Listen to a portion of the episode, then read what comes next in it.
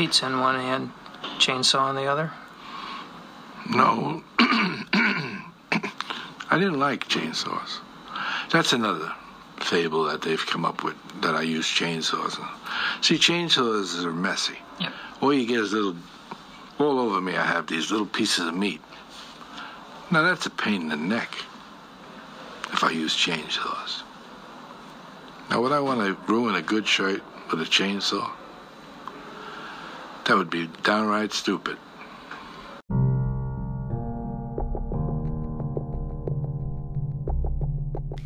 Komið sæl og verið hjartalega velkomin í podcast þáttinn Ílverk. Inga Kristjáns heiti ég og er í þann mynd að bakka inn fullum trökk af svaðalegum upplýsingum um Richard fucking Kuglinski. Hvað er þetta áhugaverðu maður? En í dag ætlum ég að segja ykkur frá svona setnu parti hans máls en ég tók uh, part 1 í síðastætti. Þannig að ef að þið eru ekki búin að hlusta hann, þá myndi ég byrja á því þannig að þessi make sense. En þetta er bara eitt af þeim málum sem ég varði að taka í tveim pörtum af því að þetta er bara svo mikið af upplýsingum og fárlega áhugavert mál í bara, þú veist all over. Þannig að við skulum ekkert vera að tefja þetta neitt, við skulum bara byrja á þessu. En eins og ég ger alltaf vil, ok, ég er ekki að lesa þetta ég ætla að gáðast í munu þetta. Ég vil minna á, nei, jú. Ég man ekki það sem ég segi hverja einastu viku en allavega þá er þessi þáttur ekki við hæfi barna. Ég kem til með að tala um morð, ofbeldi, kynferðsofbeldi og fleiri ítverk sem fólk hefur framið. Svo eða úr viðkomur fyrir svoleiðis umræðum skaltu rags wow, ok, þetta var velgjart ég myndi þetta utanbókar. En mér langar að segja ykkur ef að þið elski podcast og þetta er ekki auglýsing og það var ekki beðið með maður að segja þetta en ef þið elski podcast en þið elski ekki svona trúkræm podcast af því að veist, það er ekki allir fyrir það það er ótrúlega margir til dæmis sem að elska mig þá er ég að tala um mamma mín og sýsti mín og fleiri aðelar sem að veist, elska mig sem personu en geta ekki hlusta á þetta því að þeim finnst þetta bara svo mikil viðbjöður þá langar mig að benda einstaklingum á podcastið Góða fólkið. Shit hvað það er ógeðislega fyndið. En Valli félagið minn er hérna í því ásamt félagum sínum sem að ég man í hver heita Kalli og Alexander. Nei, ég man það ekki. Ógeðslega umleitt en þeir eru mjög fyndnir og þetta er mjög steikt og ef þið hefði gaman af svona auðlahúmor þá er það right place to be. Þannig að það er alltaf gaman að aukvölda ný podcast og það eru ótrúlega mörg frábær í bóði á Íslandi núna. Þannig að ef ykkur finnst þetta ógislegt þá bara er til nóg. Og ég veit ekki akkur að ég er að tala um þetta svona lengi. Hérna geta mæla með öðrum podcastum í mínu podcasti þegar ég náttúrulega bara að hlusta á mitt. En allavega við skulum drífa okkur í part 2 af máli Richard Kuglinski eða The Iceman. Gjör þið svo vel En þar sem að við enduðum í síðasta þætti var þegar Richard og yfirmæðurinn hans, Demeo, sátu saman í bíl. En Demeo var yfirmæður, ekki yfirmæður, hann var svona yfir stórum hérna, glæpa mafíu og var svona aðalgöðin þar og hann setur sérst í bíl með Richard og segi við hann farðu og drefti þennan mann. Og Richard heikar ekki við það, fer út úr bílnum, stúta görnum og frá því mómenti þá er Richard uh, aðalgaurin hans Demeo í öllu, öllum þeim verkefnum sem mafían tekur að sér og þannig, þannig skildu við þetta síðast. Uh, við fórum líka aðeins yfir bara hvernig krakki hann var, hvernig uppeldi hann fekk og alls konar um, svona atverðli í gegnum lífið hans sem að kannski allir því að hann var þessi skemdi fullotni einstaklingur þannig að við kannski svona kynntust honum aðeins betur en núna ætlum við að fara í fullotnins árun hans og, og hérna hans eh, svona þekktustu glæpi og glæpina sem að síðan komu upp um hann. Eftir að Richard hafði greitt upp skuldina við félaga Demeo hjælt hann áfram að vinna fyrir hann. Hann var fljótur að vinna upp traust mafíunar og varð þetta þeirra fremsti leigumorðingi Hann fór að græða hellingspening og hann fekk um 20% af hverju verkefni sem hann tók þátt í þannig að það var að koma inn alveg hellingsinnkoma sem að hann gæti náttúrulega engan hátt útskert fyrir fjölskyldinu þannig að hann var að fela þessa peninga út um allt. Hann var að grafa það og setja það inn í kotta og alls konar þannig þannig að þessi peninga fór aldrei inn á netta rekning eða fattu mig. En Gambino ma mafían var líka ótrúlega hrifin að því hvernig karakter Richard var svo hann fer með tímanu líka að vinna fyrir þá en þessar mafjur tvær, mafja uh, De Meo og svo Gambino mafían eru uh, hérna, þar unnu oft saman og þeir voru ekki svona óvinnir eins og eru oft. En hann framti fyrir þá uh, aðalega innbrott, stál klámi sem að þeir voru síðan að hérna kópera og selja á mjög háu verði og síðan eigna sér allar rétt. Hana það er eins og ég færi núna bara ná Pornhub myndi taka skrín nei hérna taka upp vídeo þar og byrja að selja það og eigna mér höfundaréttina því, fattiði mig. En þegar eigandur efnisins og leikstjórar hótuðu öllu yllu uh, eftir að hafa heyrt sögursagnir um hver hefði verið bakvið ránið og, og að mafían hefði verið bakvið þetta rán þá var Eh, Kuglinski eða Richard sendur til að drepa þá. Og það var eitthvað sem hann náttúrulega heika ekki við. En Richard ferðaðist að milli Philadelphia, New Jersey og New York og seldi síðan ólöglega stolna klámið sem gerði Gambino moldríkan og letan Richard fá alveg vígalega parta peningum. Þannig að þið getur rétt ímyndað ykkur hvað þetta er mikið móti fyrir hann að taka þátt í þessu. Hann er að fá eins og ógesla mikinn pening en svo spyr maður sig hvernig fór hann að því að framkama þetta allt saman án þess að koma við sögu lauruglu að því að þú veist lauruglan kom náttúrulega oft við sögu veist, rannsakaði alltaf morðin þegar þau lóksins komist upp. En hann persónlega náði einhvern veginn alltaf að sveia sér uh, framhjá og náði í allan tíma að komast í gegnum þetta allt saman nánast óséður en í þessi 30 ár sem að hann gekk um sem lausmaður þá var hann aldrei grunaður fyrir neitt af því sem hann gerði nema hann í blá endan en en hérna og já hann var náttúrulega heldur ekki tengdur neitt með, við mafíunar af því að það, það var nefnilega þannig að höfupörar mafíunar, þú veist, eins og Demeo hann var bara svona góðvinnur lauruglunar, þú veist, lauruglan vissilega hvað var í gangi en það var ekki hægt að tengja hann per se við neitt því að hann var náttúrulega alltaf með undimann sem að gerði öll skýtverkin fyrir sig, fattuði mig?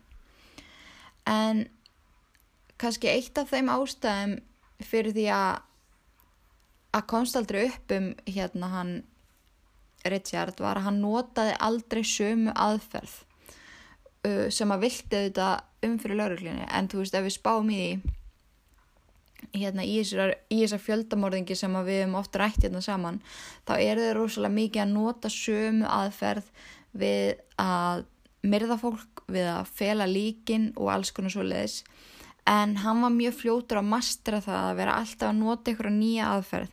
Þannig að þú veist það var engin aðferð sem hann var eitthvað sérstaklega óörgum með. Hann bara greipi það sem honum var næst uh, hverju sinni.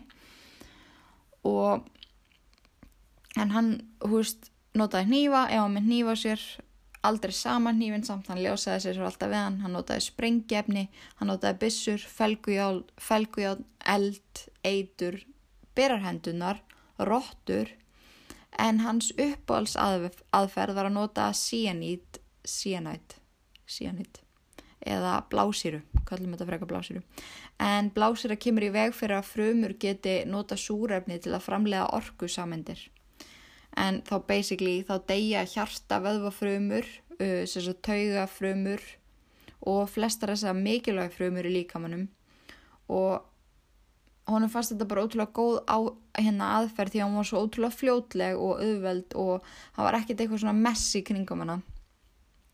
Það, og svo var líka erfitt að greina svona eitrum við krupningu þannig að þegar hann vildi græja verkefni sín hratt og öruglega notaði hann blásýru og hann sprautaði yfirleitt í fórnulempi sín eða heldi efninu í þenn.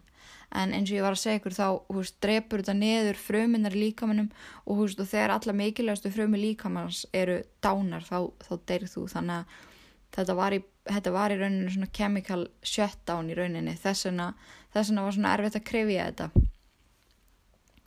en í viðtölum þá segir hann mjög casually frá því hvað honum fannst best hvað honum fannst áhugaverðast og skemmtilegast.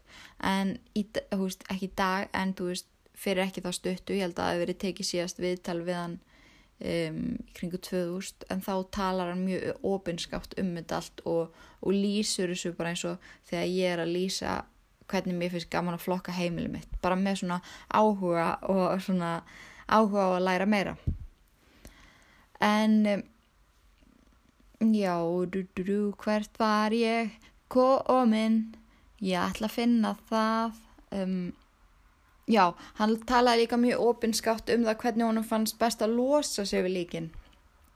En það sem hann gerði líka þegar að koma því að hann notaði mjög mismunandi aðferði við það, hann, hann var aldrei að vinna eða úst, hann átti uppöld en hann pröfaði samt alltaf eitthvað nýtt og nýtt.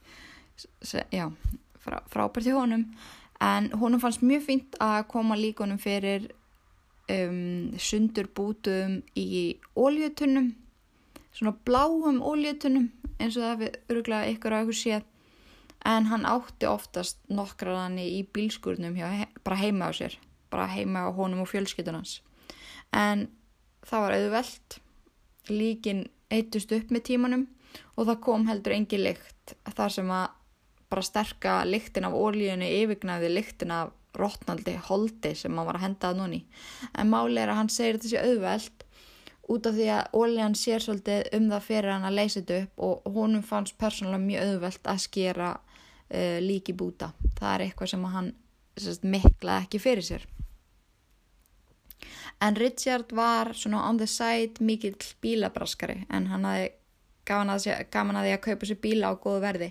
En það var ekki af því að hann hafði svo gríðalega gaman af bílum að keira þá eða eitthvað svoleiðis eða sapna þeim. Heldur var það einmitt ein af hans uppáhalds aðferðum til að losa sig við fórnalum en það sem hann gerði var að kaupa sér half ónýta bíla á lítum penning koma líkinu fyrir í skotti bílsins og fara svo með skróðin í svona píl, gí, hér, vá, bílakirkjugarð og horfa á pressuna þjappa bílnum í frumyndir. Þú veist, samviskan hjá gæjanum var nákvæmlega engin. En þannig að, og svo stundu fekk hann fimmúskall fyrir að koma með bíla, hérna, brakið, segir maður það ekki.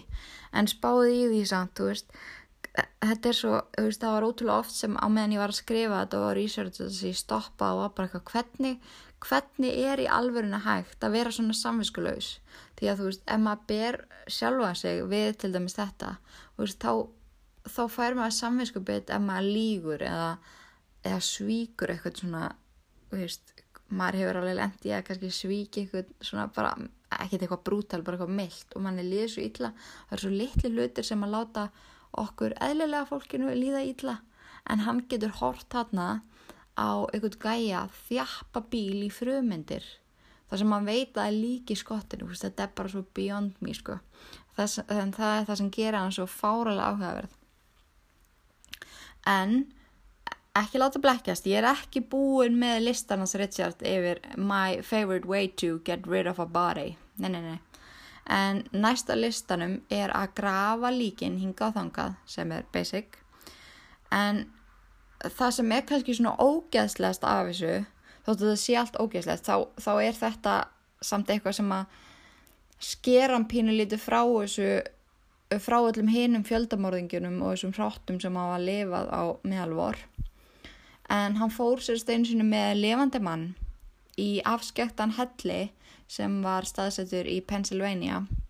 En þar hlekkaði hann fastan uh, við grjót inn í hellinum og hann glendi fætunar fætunar í sundur festan og hendunar fyrir ofan haus og festan þannig. Og tróð tusku upp í hann. Og hann hafði oft verið á þessum slóðum og vissi að þarna byggur stóru gráðugu róttunar sem er ógeðslegt. En hann sagt, kemur svo fyrir videokameru fyrir utan helli þannig að miðar inn í hellin og lætur hann að taka upp í tvo daga svo fer hann með nýtt batteri í vélina þannig að hérna kameran er að taka upp í tvo daga meðan maðurinn liggur þarna og rottunar byrja að gæða sér á manninum og þá má heyra hann emja um og berjast fyrir lífinu sinu og, getur, og það er að heyra í þessu vídeo þegar rottunar er að tyggja í gegnum þykkasta bútin á húðinni og þetta er svo sikk en tveim dögum síðar þá var ekkert eftir af manninum nema f- fötin. Og Richard fer þannig og svo stoltur og sýnir Demeo þetta vídeo en hann hafði einmitt ráðið hann til að drepa hann mann sem hann fór með í hennan helli. En Demeo sem var algjör hrotti og var líka mjög samvinsklaus hann gat ekki hort á vídeoið. Hann kúaðist og hann svitnaði allur við að sjá allan hennan viðbjóð. Hann leit á Richard og sagði við hann you have no soul. Hann hafði svo sannlega rétt fyrir sig þarna. En á meðan hann var í algjöru sjokki var Richard hæst ánæður með hvað þetta gekk vel og fannst magnað að rottur getur losað hann við lík á tveim dögum. I used to have a thing where I would take somebody into a cabin or cave, whatever you want to call it, and I would uh, I would tie them up or tape them, their hands and their um, feet together, and. Um, Then I would leave them there. And I'd leave a camera on. And um, rats used to eat them.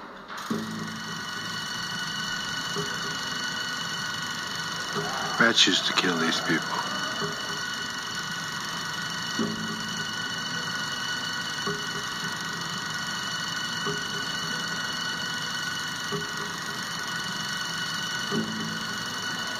It was a very painful death for these people because uh, rats would uh, eventually smell them or come near them and and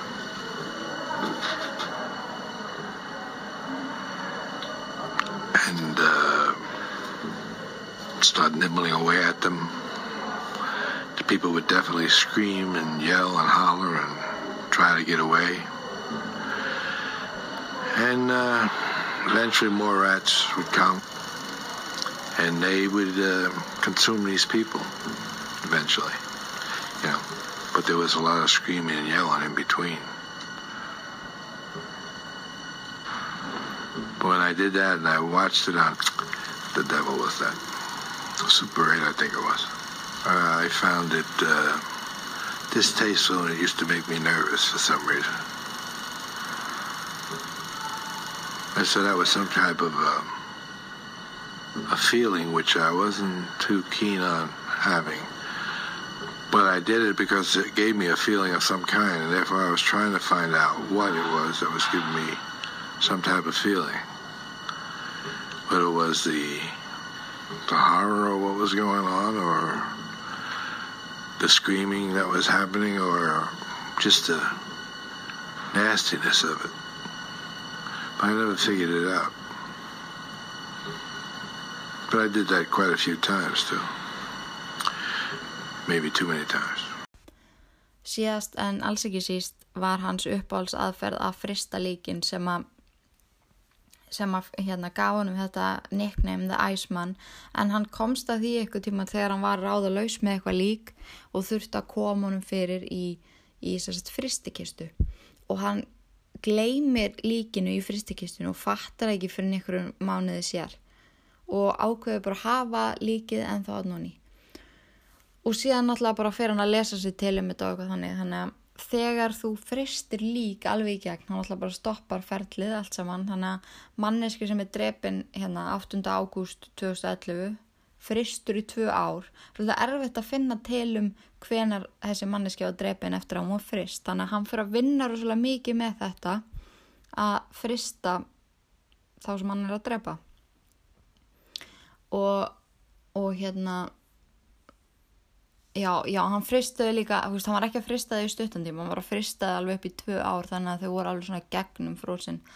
En ok, eins og þau kannski heyrið þá er ég mjög tæp í röttinni, ég er svona alveg kortur í hálsbólgu, það er svona aðeins að gæjast að mér þessi góða pest, en hérna, ég ætla að með vasklas uh, og uh, kannski bara leggja mig aðeins og svo skulum, ó, nei ég er að segja, ég er að tjóka, ég ætla ekki að leggja mig.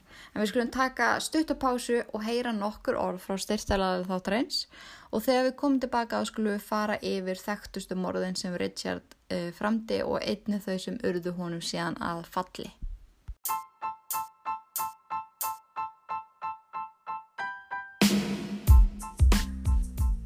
Hæ, ég heit Inga og þetta er tannumhyrðu auglýsing í miðjum fjöldamorðingja þætti.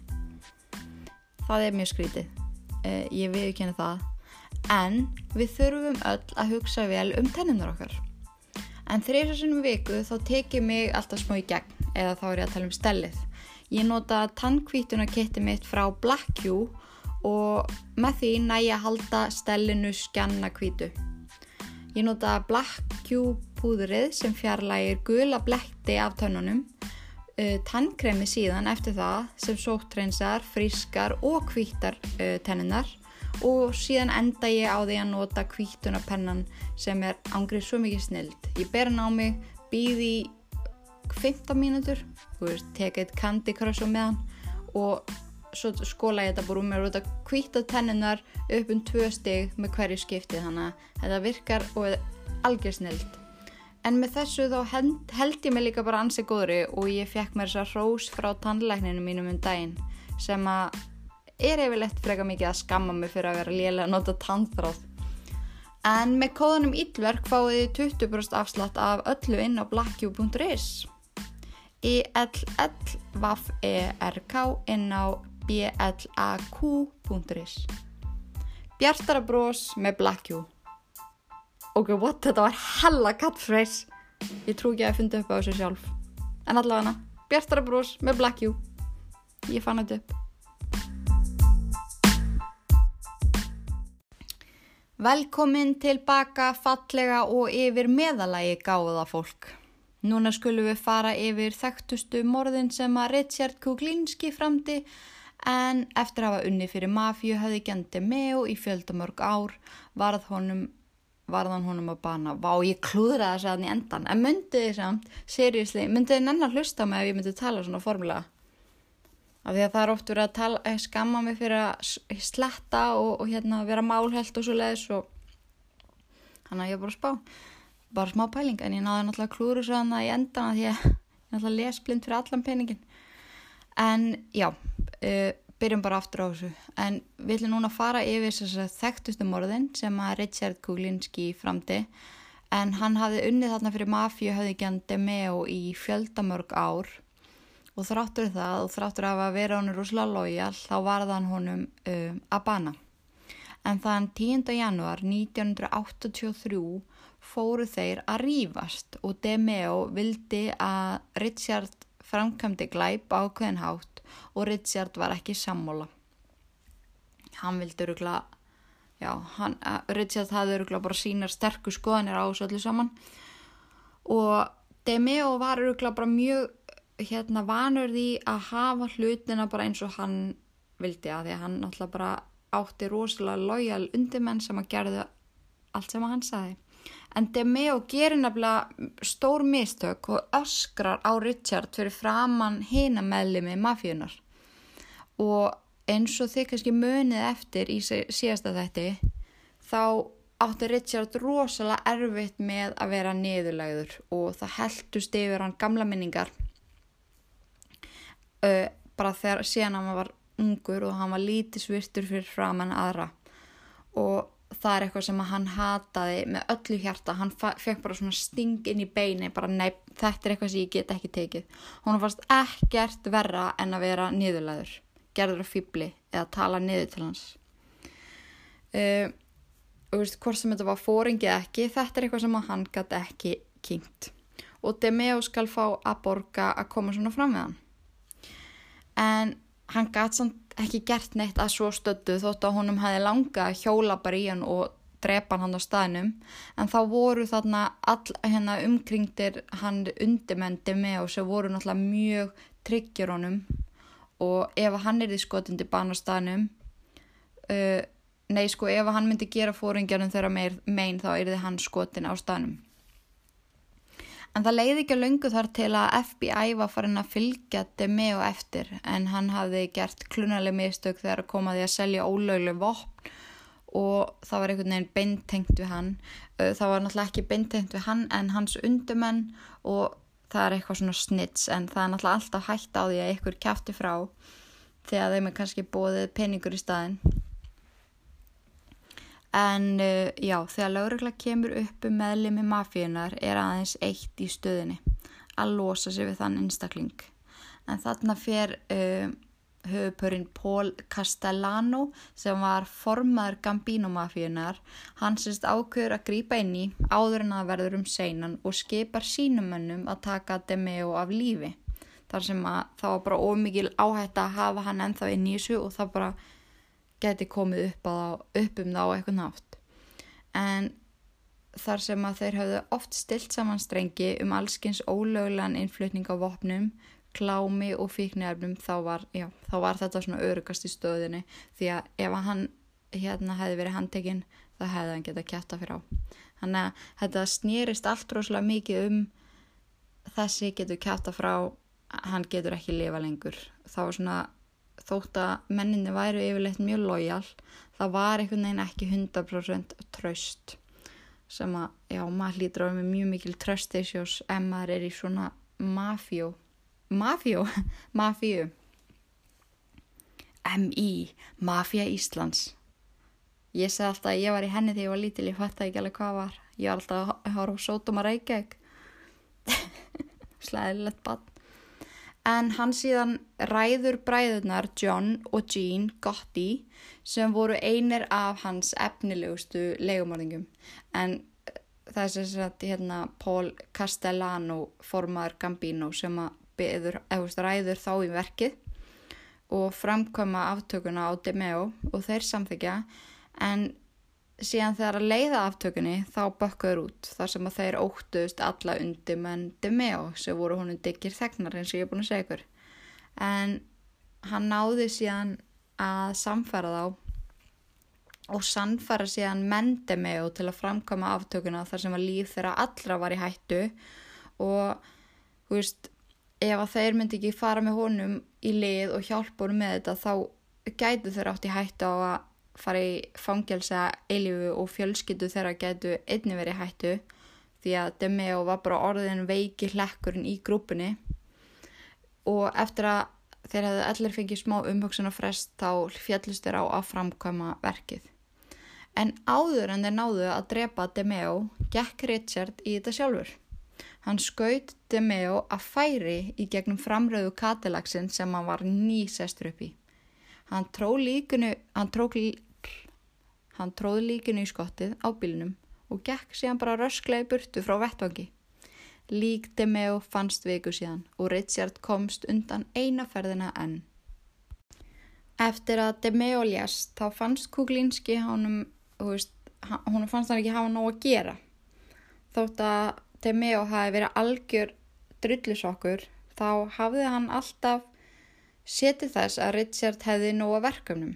En þarna var hann búin að vera að vinna sem leigumorðingi í 25 ár og hafði einhvern veginn engan áhuga á því að hætta því og kannski bara þekkti heldur ekkert annað. Hann var búin að lifa þessu tvöfaldalífi, að vera pappi og eiginmaður og leigumorðingi, hann kannski sá ekki alveg fyrir sér að fara út í eitthvað annað.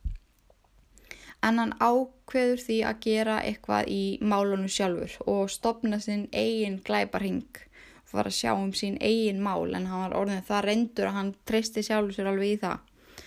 En hún langaði líka bara að græða meiri pening fyrir sig og fjölskyttunni sína og hann vildi gangis, gangur skugga með það að, að krakkarnarnas ættu peninga að eilu og ég er enda mjög forvitin með það.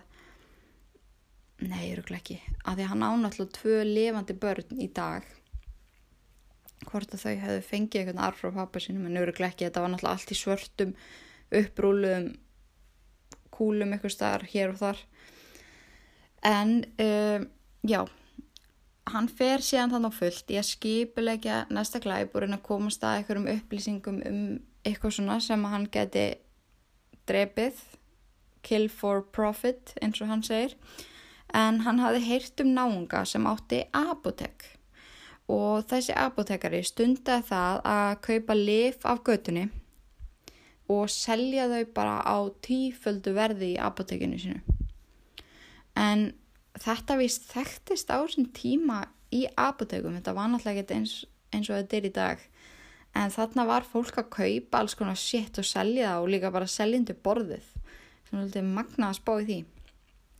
En Richard hefur sérst sambandamannin sem heitir, eða hétt Paul Hoffman og hann spurði hann bara hvernig ég lifið mér að leitast eftir? Og ég er með mjög stórt hérna lagarhúsnaði fullt af eitthvað svona og er að, er að flytið inn og úps, er að flytið inn.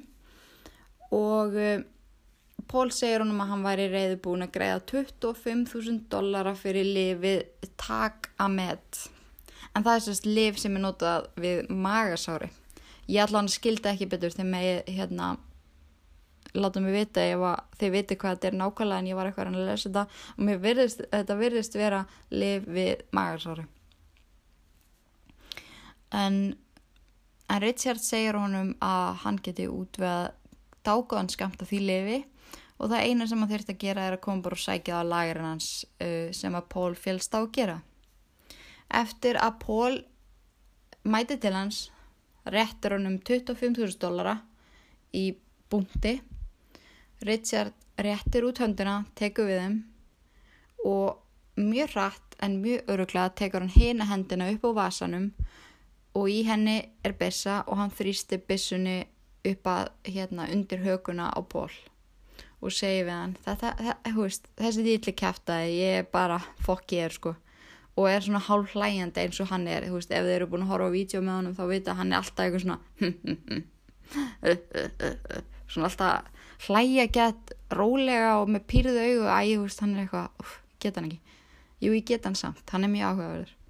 En hans er skítur pól í höfuðið en drefur hann ekki í fyrstu tilrun hann leipir þá aftur af bissunni sem að virkaði ekki Richard, hen Richard hendi þá frá sér bissunni sultuslagur tegið sér í felgujall og lemur pól til óbúta og myrður hann samstundis en hann sækir sér svo tómaólítunu og treður blóðugu og illaförnu líki pól ofan í hana.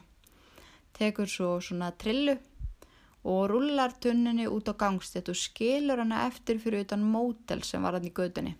Mótel, ekki mótel.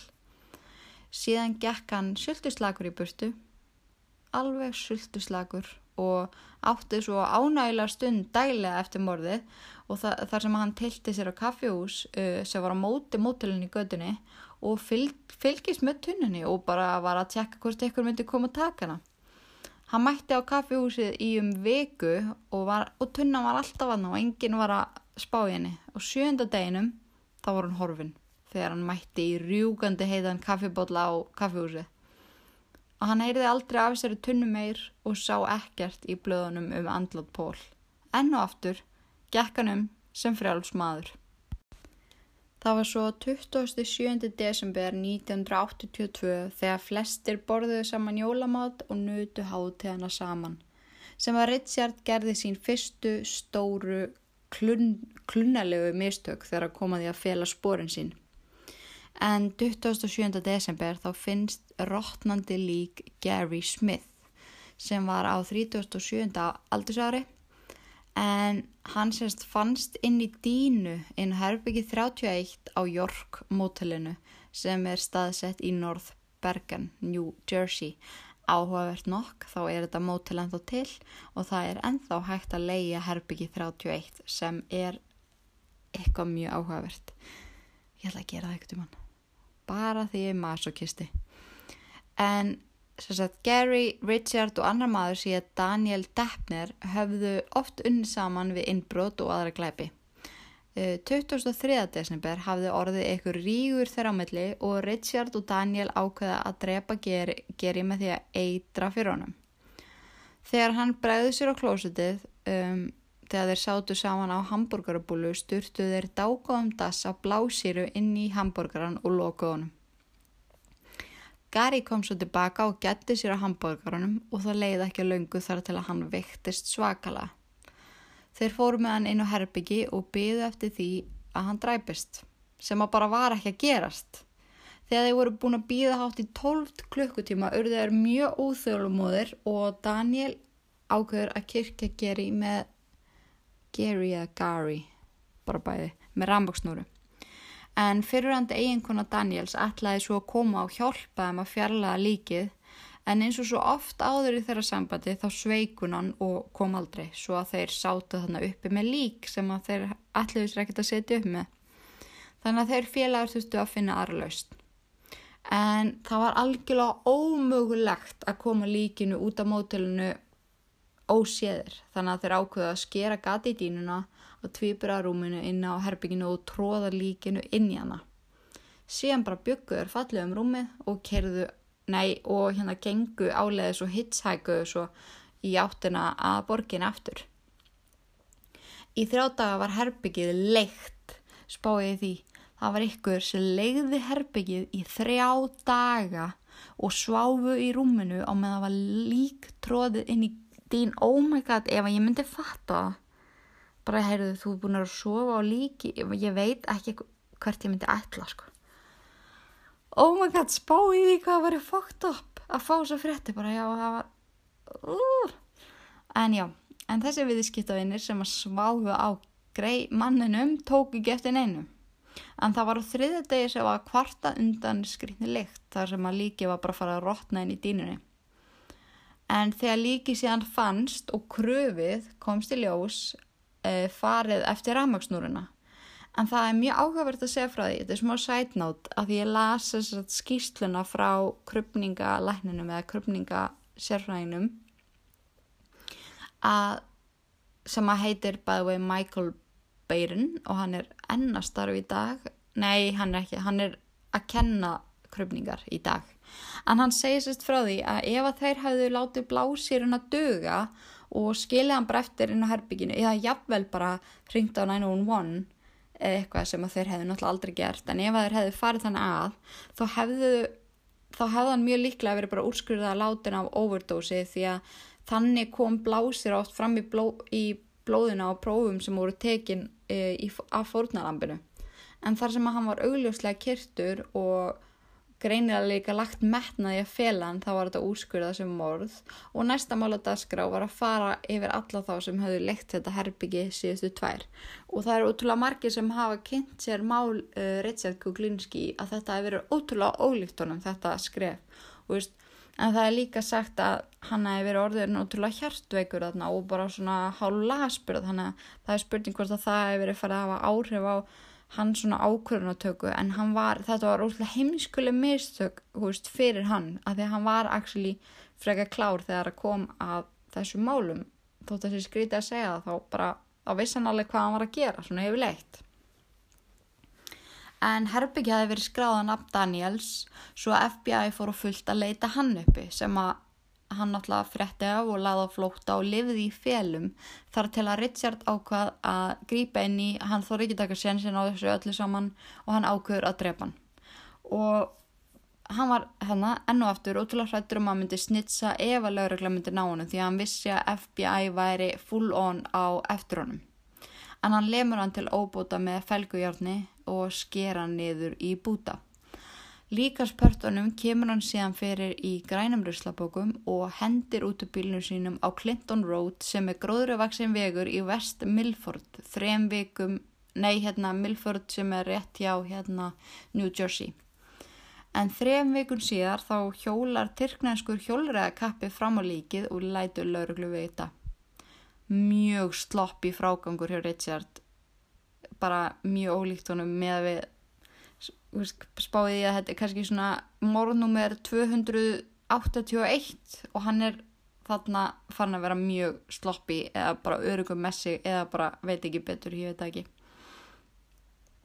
2005. desember, nei september 1983 þá finnst lík Louis Maskey en það lásir sætt nálagt Clausland Mountain Road í Or Orangetown, New York eru þið eins og ég, by the way, smá sætnót, eru þið eins og ég að þegar ég les fyrir eitthvað svona heiti, þú veist, eins og Clausland Mountain Road í Orangetown, New York, farið þá inn á Google Maps og finnið það, bara svona til að sjá það visually, eða þú veist, svona geta að sé það betur fyrir ykkur. Ég gera það persónulega alltaf, og það er svo magna, þú veist, er svo allt sem að ég fletti upp sem að hann var að gera, þetta er svo vítt í bandaríkanum, hann er greinlega ferðast svo mikið á milli að gera það sem hann er að gera.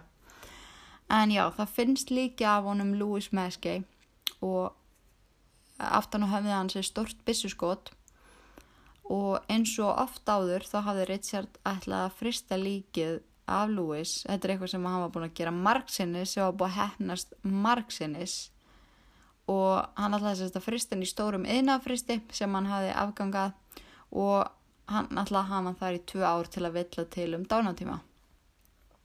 En hann alltaf bara eins og vanilega þá hafði hann leift líkinu alveg að þiðna áður en hann sé hann losaði sig við það því að hann sérst fristið alltaf þangar til að var alveg gegnum frósið síðan letaði að þiðna aftur að hann losaði sig við það því annars var þetta að reykja það til hans að, að hérna að hafi verið frist. En þarna síðan er hann eitthvað fljótfær og losaði sig við líkið og það var ennþá, þú veist, hálf þiðna, það var ennþá bara innstinni, það var ennþá alveg frósið og þegar líki finnst þá finnast ískristallar við krupningunni og þá er byrjað að lýsa eftir The Iceman. Það er oft sem að einmitt fjöldamálinga fá eitthvað svona nickname veist, eftir því sem þeir gera. En þarna er einmitt bara Iceman uh, on the hunt for Iceman. Og, og hérna læknar og rannsöknar lauruglega hann tengi strax við að líki það hefur verið frósið þannig að það narr, þú veist, það hérna sumar þetta eins upp og narraður alveg aðeins niður hérna valmögulegana oh, ég er svo mikið ennsku sletta, ég veit að eru margi núna að hrista hausinni yfir mér. Þið verði bara að afsaka mig, ég er í alveg að vinna í þessu, ég lofa því. Ég er allavega með þetta bak við eirað og er ekki alltaf fyrst að skrifa við kenna vandamáli sín, það er svo leiðis þið verður nú að gefa mér smá kredit fyrir það. En þarna eftir að þetta lík finnst þá að farið all in í leitina af The Iceman og morðið á Hoffman, Smith, uh, Deppner, DeMeo, Maskey og George Mailband voru öll tengd saman þar sem að flestir þeirra voru, flestir þeirra voru góðkunningjar lögurglar. En þú veist þegar þetta fór alltaf að koma på yfirborðið og, og fjölskynnum það fór að leita en þá bara heyrðu þessi og þessi og þessi þeir, þeir tengjast eitthvað neginn. Og fjölskynnum þeirra vinir og vinnifélag voru allir yfirheyrðir eða veist spurt út í heiða óendalega og málið teki full force og alltaf kom sama nafnið upp. Richard Kuglinski var svo síðasti sem sá það á lífi. Eftir að þeir voru loksins komni með eitthvað nafn þá var að setja af stað Operation Iceman en þeim grunaði mjög fljótt að Richard væri The Iceman Þarna var fengið leinu lauruglu þjónin Dominic Polifrone uh, til þess að vera svona gullrótin í að negla Kuglinski neður. En Detective Kane og Dominic fengu Phil Solemoyne, nei, Soleman sem var sérst góðu vinur Kuglinski til margra ára til þess að hjálpa þeim gegn mjög góðri greiðslu og líka til að fá niður uh, felda einhverja smá glæpi sem hann hafi gert en var, hann fekk sérst eitthvað í staðin sem var alveg magnað því að þetta var góður félagi Richards. En hann kom Dominic í samband við félagasinn og kynnti Dominic sig sem legumorðingja sem að vantaði aðstóð en hann sagði hann að það beðansverkefni sem hann fengi mjög vel greitt fyrir og það var að drepa höfupörd í resa fíknefnaring um, sem lágur svo miklum fjármunum að ef þetta myndi allt hefnast þá þurftu þeir aldrei að hafa ágjör af peningum aftur. Richard náttúrulega heikaði ekki við þetta, veist, þetta, er ekki, þetta er eitthvað sem hann þurfti aldrei að hugsa sér tviðsarum, þetta var eitthvað sem hann var orðin góður í og tekur jobbinu. Og síðan bara veist, passa þeir að fara og til að valla í þetta, þeir passa að vera ekki eitthvað, hei við erum lauruglan, við, við náðum þér, veist, heldur voru þeir í nokkra daga að hitta hann, þau voru að taka upp það sem hann var að segja, skrifa það niður og alls konar svona voru að fá upp fullta upplýsingum um hann þángat til að þeir voru alveg örugir á því að þetta væri gaurinn uh, sem að þeir væru að leita af.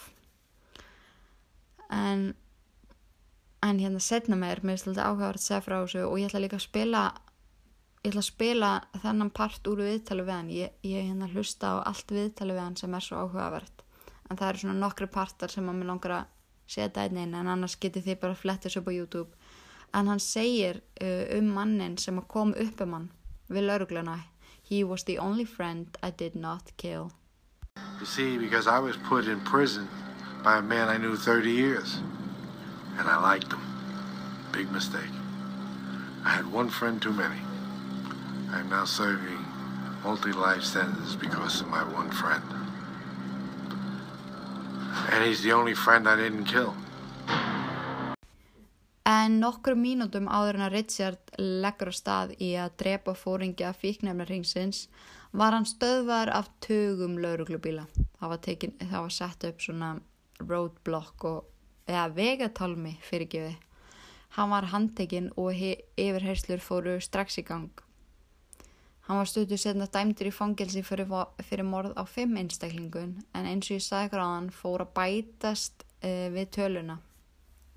Uh, eftir, veist, eftir að hann var lengur í fangelsi og söguna sem Richard segir verða alltaf hinskilnari og ítalari. Í dag er talið að hann hafi myrt e, í kringum 300 menn en hann segir sjálfur að hann sé ekki alveg viss um nákvæma tölu en það sé bókað eitthvað í kringum 300 manns. E, það var margir efast um hvort að það sem hann segir sér satt, hvort að það sé íkt alveg út í óendalega eða hvort hann sé náttúrulega bara já, að íkja að því hann er hvað sem er að fara að dúsa í fangilsa sem eftir hann hefur enga tapa hann getur alveg eins bara komið fram sem áhugaveru karakter og sagt sögur sem að, veist, hann er áhugaveru karakter, hann náði því en ótt, það er svo magna við hann að maður hlustar á hann með svo mikilvæg aðtegli, hann er svo rólegur og yfirvegaður og talar um allt sem hann gerði með svo mikilvæg ró, brósir út í annað og ef maður væri að horfa á þetta vídeo af honum á mjút, þú myndir ekki heyra hvað hann var að tala um. Þú myndir aldrei gruna að það væri fjöldamörðingi sem drapsiti gamans að tala, þú myndir frekar halda þetta að væri bara einhver doktor í einhverju að tala um einhverja rannsók sem hann gerði, þú veist, maður myndi aldrei hann bara, hann lukkar ekki þannig mér finnst það allan perso persónlega en fjölskyldan hans uh, eiginkona og börnin hans töluðu aldrei fram af hann Hann satt einn í fangilsi og einu manniskinnar sem hann talaði við voru félagar hans í fangilsinu, sálfræðingar og frettamenn sem að forvittnuðust úti í görður hans. Og kannski nautan þess að fá loksins að monta sig á öllu þessum glæpum sem hann hefði framið og komist upp með í öll þessi ár. En í oktober 2005, eftir næstu átjan ári fangilsi, lést hann úr Kawasaki syndrom en sagt, sá sjúkdómur lýsir sig þannig að the blood vessels ég veit ég er að ennskuðsletta aftur og ég er ekki alveg vissum hvað það er á byrju ég ætla að googla þetta með ykkur bara hérna í bytni bytni blood vessels það er sem sagt þetta er oft kallað jarðaberja tunga þá hérna þrútna út hérna allir bræðlaugarnir Google Translate og hérna verða svona eldrauðir og fólk fær úrslega mikið hita. Oh my god blood vessels eru æðar. Jésús menn ok, fyrir ekki við æðanar það er þrútna allar út og verða eldrauðar og tungan verður rauð og, og útliminn er verða eldrauðir og þú fær útrúlega mikið hita og verður útrúlega veik. Og vákæði skamast mér fyrir að hafa þetta eru blood vessels. Ég held alltaf að í Waynes já það er náttúrulega líka whatever. En það er náttúrulega sagt, þú veist, hann var með rosalega veikt hjarta þannig að líka minn réði ekki við þetta. Að er þetta læknalegt. Og hann lést á Francis Medical Center í Trenton, New Jersey. Og það sem er bæði skiljanlegt og sorglegt er að eiginkonans Barbara Þegar hún var látið vita að því að hann var í dáin, þá skila hann inn plaggi sem stóð á stórum rauðum stöðum. Do not resecute oh my god, að ég skulle vera með podcast í ennáttúrulega. Mm, do not resecute. Æ, þú veist, ég vil ekki fá hann, basically, er það sem hún er að segja. Og henni var bara alveg sama og hann var bara brendur og sett í svona garð þar sem að fólk á engan aðlengur og það er enginn sem kemur og sækir líki þannig að hann var bara svona partur á einhverjum gardi en basically þá, þá er þetta skila einn plaggi bara, já, ég hef ekki áhuga á því að fá líki hans til mig gera sem að þið viljið við það. það það er það sem ég var að reyna að segja ykkur en þótt að hans er dáin þá mun nafni hans lifa áfram. Það er bara þannig, veist, það er ennþá verið að skrifa um hann bækur, það er fólk sem er endalust að sálgreinan en hann er náttúrulega talin verið með mjög alvarlegt uh, hérna uh, mjög alvarlegan geðklóa en hann gæt það er ekki eðlilegt að geta skilið af fjölskyldulíf og og að vera fjöldamorðingi svona ótrúlega vel, það er bara ekki hægt. En hann var, hann var skiptu karakter hann var með anti-social uh, disorder á mjög háustíi og svo er hann líka uh, búin að upplefa mjög mikið af svona trauma í gegnum lífið hans veist, það, það gekk útrúlega mikið á veist, hann, hann fættist inn í heim sem var fullur á ofbeldi og hatri og hún var í rauninni aldrei kent neitt annað. Þannig að sálfræðingar um í bandaríkjunum og á fleiri stöðum og pottetinn heima líka hafa tekið máli hans fyrir og krufið hann, um, hann og hans greiningar því að því þær eru margar, þær eru ábyrrandi og, og þær eru eitthvað sem var aldrei trítað á neitt nátt. Hann fór bara í gegnum lífið uh, og gerði bara það sem hann vildi og, og hún var aldrei kent neitt. Þú veist, einu fyrirmyndunar mögulega í hans lífi voru þessi fóringjar í þessum mafjum, þú veist, og þú veist, hann var uppi aldrei hans, þú veist, hann gerði, þú veist, allt til þess að þóknast honum, en hann í rauninni átti aldrei neina fyrirmynd, en, en án þess að ég sé eitthvað að venda hann eitthvað þannig, þá er það yfirlegt þannig að það er eitthvað sem gerist í, í æskunni sem að veldu því að fólk verður svona Þú getur alveg komið út sem heilbröður einstaklingur þóttu þið er hræðilega æsku en það er eitthvað meira sem klikkar að inn í og ég er að spöða að dempa mér í, að, í það að lesa uh, rítgerð sem ég fann um, um hann. Kanski linka inn inn á Ílverkgrúpun á Facebook og getur við lesa hana saman og, og gert kannski spjallráð að ég veit að það eru mjög margir spendir að ræða þetta mál því að það hefur ángriðs aldrei verið beðið mig jafn mikið um neitt mál og þetta. Þeir eru búin að senda mér þennan kall bara frá day one. Þannig að það eru potið uh, það verður potið stopnar spjallhraður þar sem við ræðum þetta betur og þá geti sagt einhver alls konar auka upplýsingar sem að ég er búin að koma að stað sem að ég kom kannski ekki alveg fyrir inn í þáttin en en hérna hann er, er og verður alltaf einn allræmdasti fjöldamorðingi bandaríkjana